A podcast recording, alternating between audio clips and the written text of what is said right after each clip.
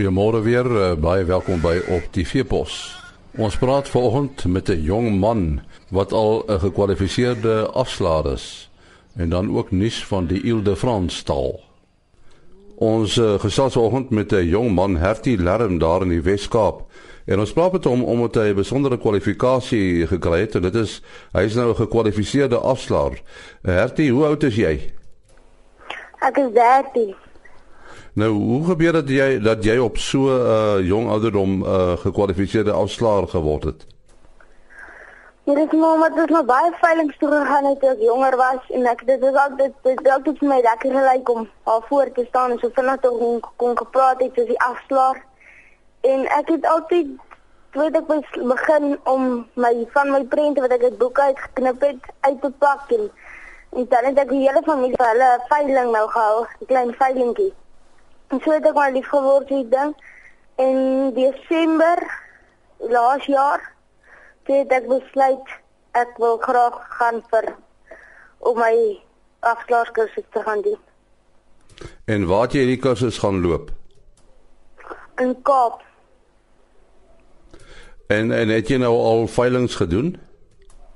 Ja, my eerste veiling wat ek gedoen het was ons ook so uh, einde van Desember in Pinnacle Point en dan het ek nog 'n oom uitgehelp met skape wat ek opgeveil het.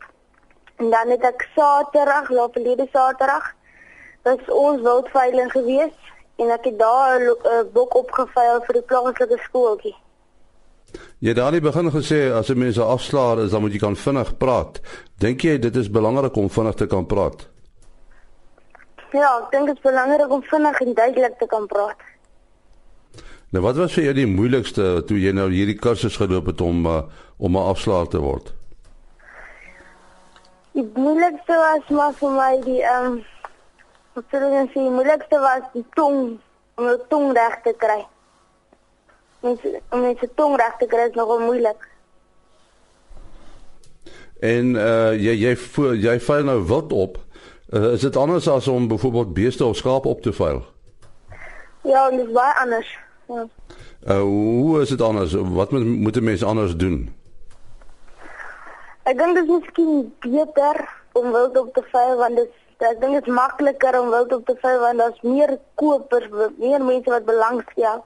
En uh, as jy nou so besig is met 'n veiling, hoe weet jy uh wie die potensiële kopers is? Nee, dit is maar moeilik om te weet maar baie moeilik om te weet. En as jy uh so 'n veiling hou, uh moet jy natuurlik eers die diere vooraf bestudeer, né? Nee? Ja, jy moet alles bestudeer en alles neerskryf, die lotnommers, alles goed. Uh, uh, jy uh, wil waarskynlik nou uh, afslaer word, dit dit gaan jou beroep wees. Uh gaan dit 'n wat afslaer wees of 'n uh, afslaer van beeste of skape? Ja, groot deel stop. Stop as ek gaan meer wild opvang. En jy is nou nog op skool, né? Nee? Ja. Nou, hoe, hoe kan skoolwerk en uh afslaer weer saamloop? Die meeste veilings is dan op Saterdag. So dit help dan.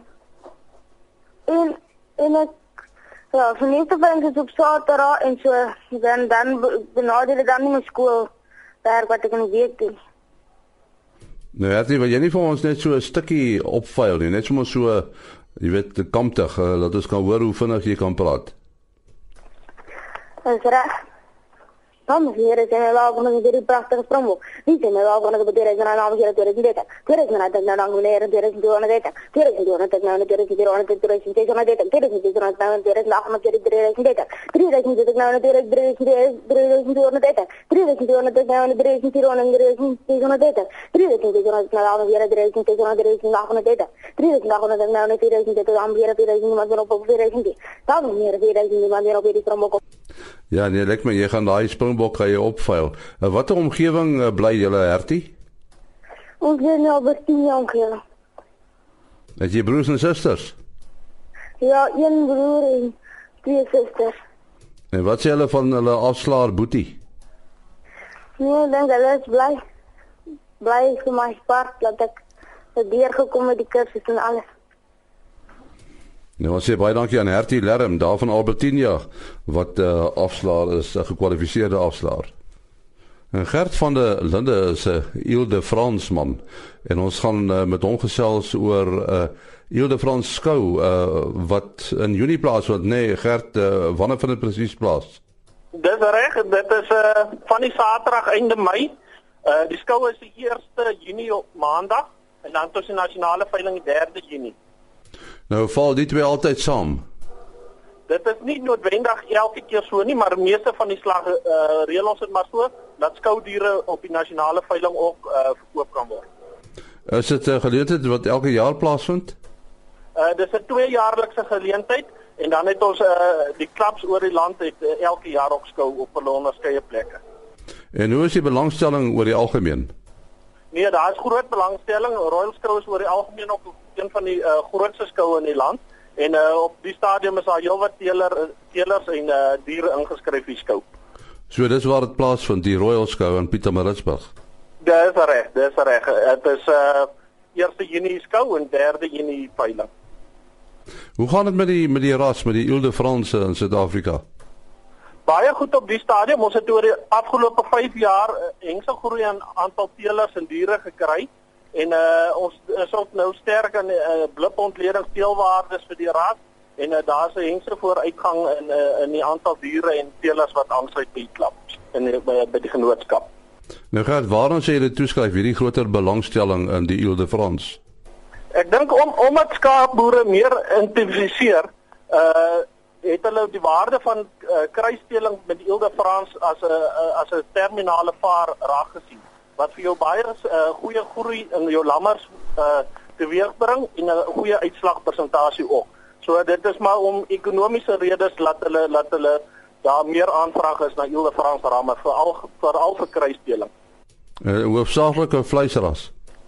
Dit is hoofsaaklike vleisras alhoewel ons 'n goeie uh, prys op kry vir, vir die wol.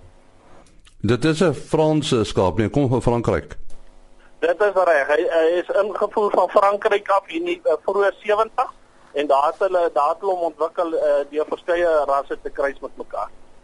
En die plaaslike Ile de France, uh, hy lyk seker anders as die oorspronklike ene. Ja, ja, nee, daar's heelwat vooruitgang gemaak in die ras. Uh deur jare se uh, teeling, hy het goeie genetika teweeggebring en uh daar's hy is nou baie aangepas in uh, in Suid-Afrika.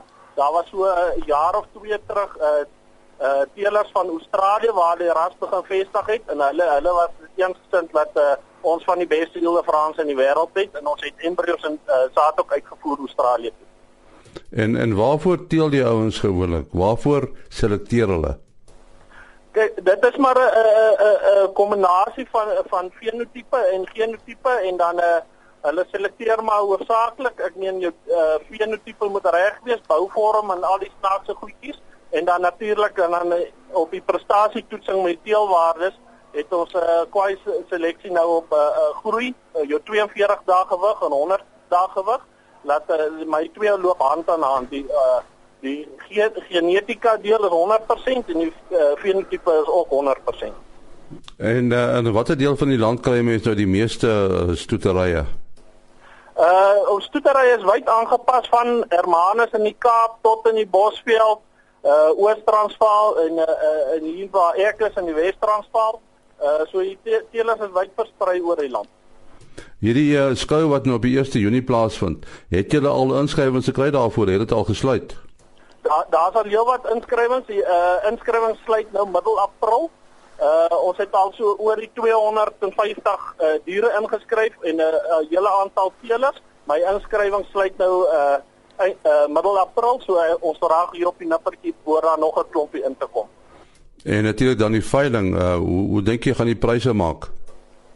Uh hierdie jaar is bietjie moeilik. Ekonomiese toestande is nie baie gunstig nie. Die ouens se gewater en die dinge lol maar bietjie. Maar uh, ek dink uh, as hy ou die goeders in ag neem behoort die veiling al uh en aangeneem hulle dat hoë kwaliteit diere gaan wees vir die spesifiek vir die stoeteler alhoewel daarvan ouens kan wees wat topramme kan kry vir kruisstelling dink ons die veiling gaan uh voor die wind verloop. As mense met jou in verbinding wil tree gerd nou oor die oor die skoue en so voort. Uh jou besonderhede? Hulle kan my kontak op my selfoonnommer is 079 524 7954. Ons sê baie dankie aan Gert van der Linde. Hy het gepraat oor die nasionale Ile Frans skou wat op die 1 Junie in Pietermaritzburg plaasvind by die Royal Skou en dan op die 3 Junie die nasionale veiling. Net weer sy nommer 079 524 7954. Môreoggend is ons terug. Tot dan. Mooi loop.